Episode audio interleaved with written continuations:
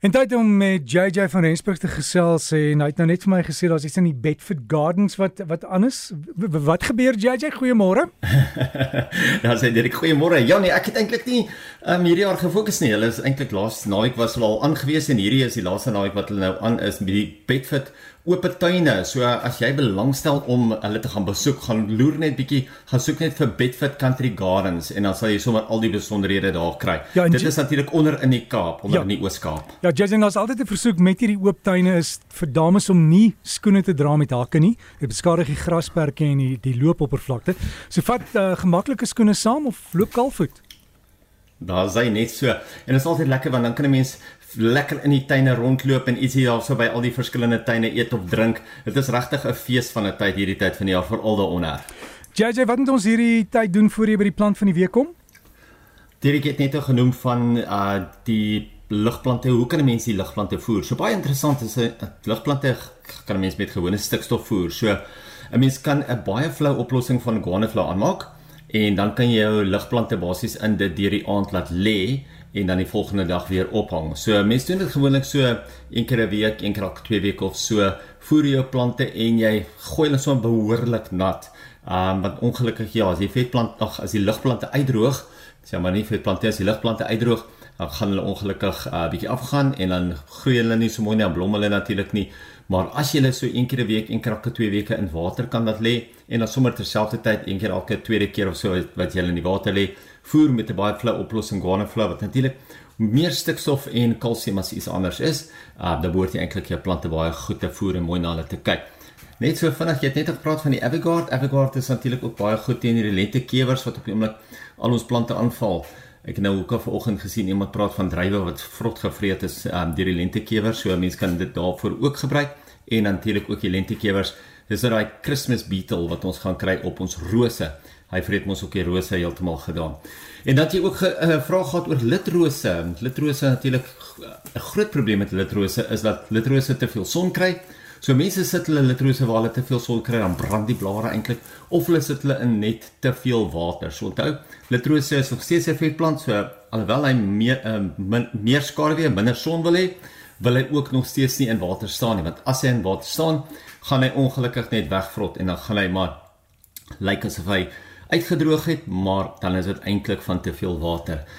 Maar Dirk het net gevra wat wat doen ons hierdie tyd van die jaar so baie mense kry bolle as geskenke en ek hoop en dan hoop hulle altyd dat hulle weer in die grond geplant kan word om weer volgende jaar te blom. Maar ongelukkig gebeur dit nie maklik nie. Ek sien die vraag baie deurkom op Facebook.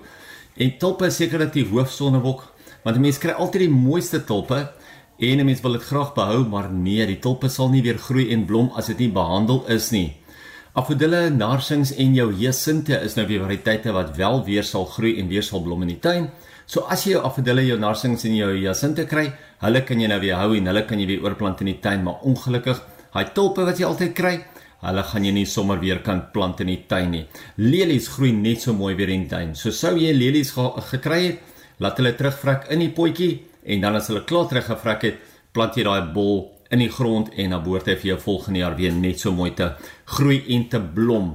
Ons sien ook nou die pragtigste baardirisse wat blom en natuurlik wil mense weet wat het baardirisse eintlik nodig om mooi te groei en natuurlik te blom. Nou, hulle hou van koue, so as jy dit plant waar dit baie koud word, sal dit eintlik nie 'n probleem wees nie. Is eintlik baie goed vir die plante self.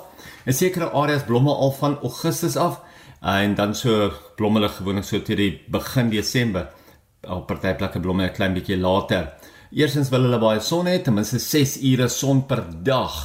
So maak seker jy plant hulle in 'n bedding wat wel baie son kry. Tweedens wil hulle ook in 'n sanderige grond geplant word wat baie goed dreineer. Ek sê ook altyd mens moet deklaag opsit. Maar in die geval van baardirisse is dit beter om nie 'n deklaag op te sit nie, want dan vrot hierdie some baie maklik. Mens wil eintlik ehm um, hê hulle moet baie goed kan uitdroog. Laastens baardirisse wil baie vlak geplant word en die boonste derde van die risoom moet eintlik nog uitsteek sodat hulle die son en die koue op die bokant van die risoom kan kry en dan die risoom groei natuurlik verder. So daar waar die blare uitkom, mense moet dit nie plant dat die plante ook in mekaar in sal groei sodat um, daar waar die blare uitkom dat hulle eintlik na mekaar te wys nie plant hulle so dat die blare eintlik weg kan groei van mekaar af. En dit is ook hoekom 'n mens nou nie daai deklaag opsit nie, want jy wil reeds sê die son en die koue moet op die risome self eintlik skyn of val. Beddings wat oorvol is met irisse, veral nou natuurlik die baardirisse kan laat somer gelig word en opgebreek word. Ja, mens kan nie eenvoudig opbreek of met 'n snoeisker opsny. Nou heel interessant, is dit hier die beste om die risome vir 'n week of wat eers in die skaduwee te los voordat jy dit weer plant en sodoende sodoende die wonde eers kans gee om lekker uit te droog. Nou net so terloops, ek het nou gepraat van die baardirisse en mense wonder waar kom die naam vandaan? Nou die algemene algemene naam kom vanaf die fyn baartjies op die onderste blomblare af. So as jy mooi na die blom self kyk, gaan jy daai pragtige blomblaartjies sien. Maar soos altyd is dit nou die lekkerste tyd wanneer dan blom is om die mooiste kleure ook te sien, te gaan soek en hulle in die hande te kry en in jou tuin te plant. Nou gelukkig meeste kwekerye wat wel die baardierisse verkoop, verkoop hom altyd met 'n lekker groot kleurkaart dat mense kan deur die jaar sien watter plante mens wel nou koop en watter kleur blomme mens koop. Maar ek sou gesê jy weet wat, terwyl hulle nou blom, gaan kry sommer vir jou plante wat in blom is in die kwekery in sakke staan en dan weet jy sommer jy hoef nie nog net uh start te maak op die foto's nie, maar jy gaan eintlik die fisiese blom kan sien. Ons plant van die weke of vir die week vir hierdie week, sorry, amper sê ek nou weke want dit is sommer twee plante. Somer met al sy kleure sekerlik die lekkerste tyd van die jaar of een van die lekkerste tye van die jaar. En ons plant van die week stel natuurlik nie te leer met twee hibiskusse nie. Hibiscus grace en natuurlik die splinternuwe hibiscus adonicus oranje.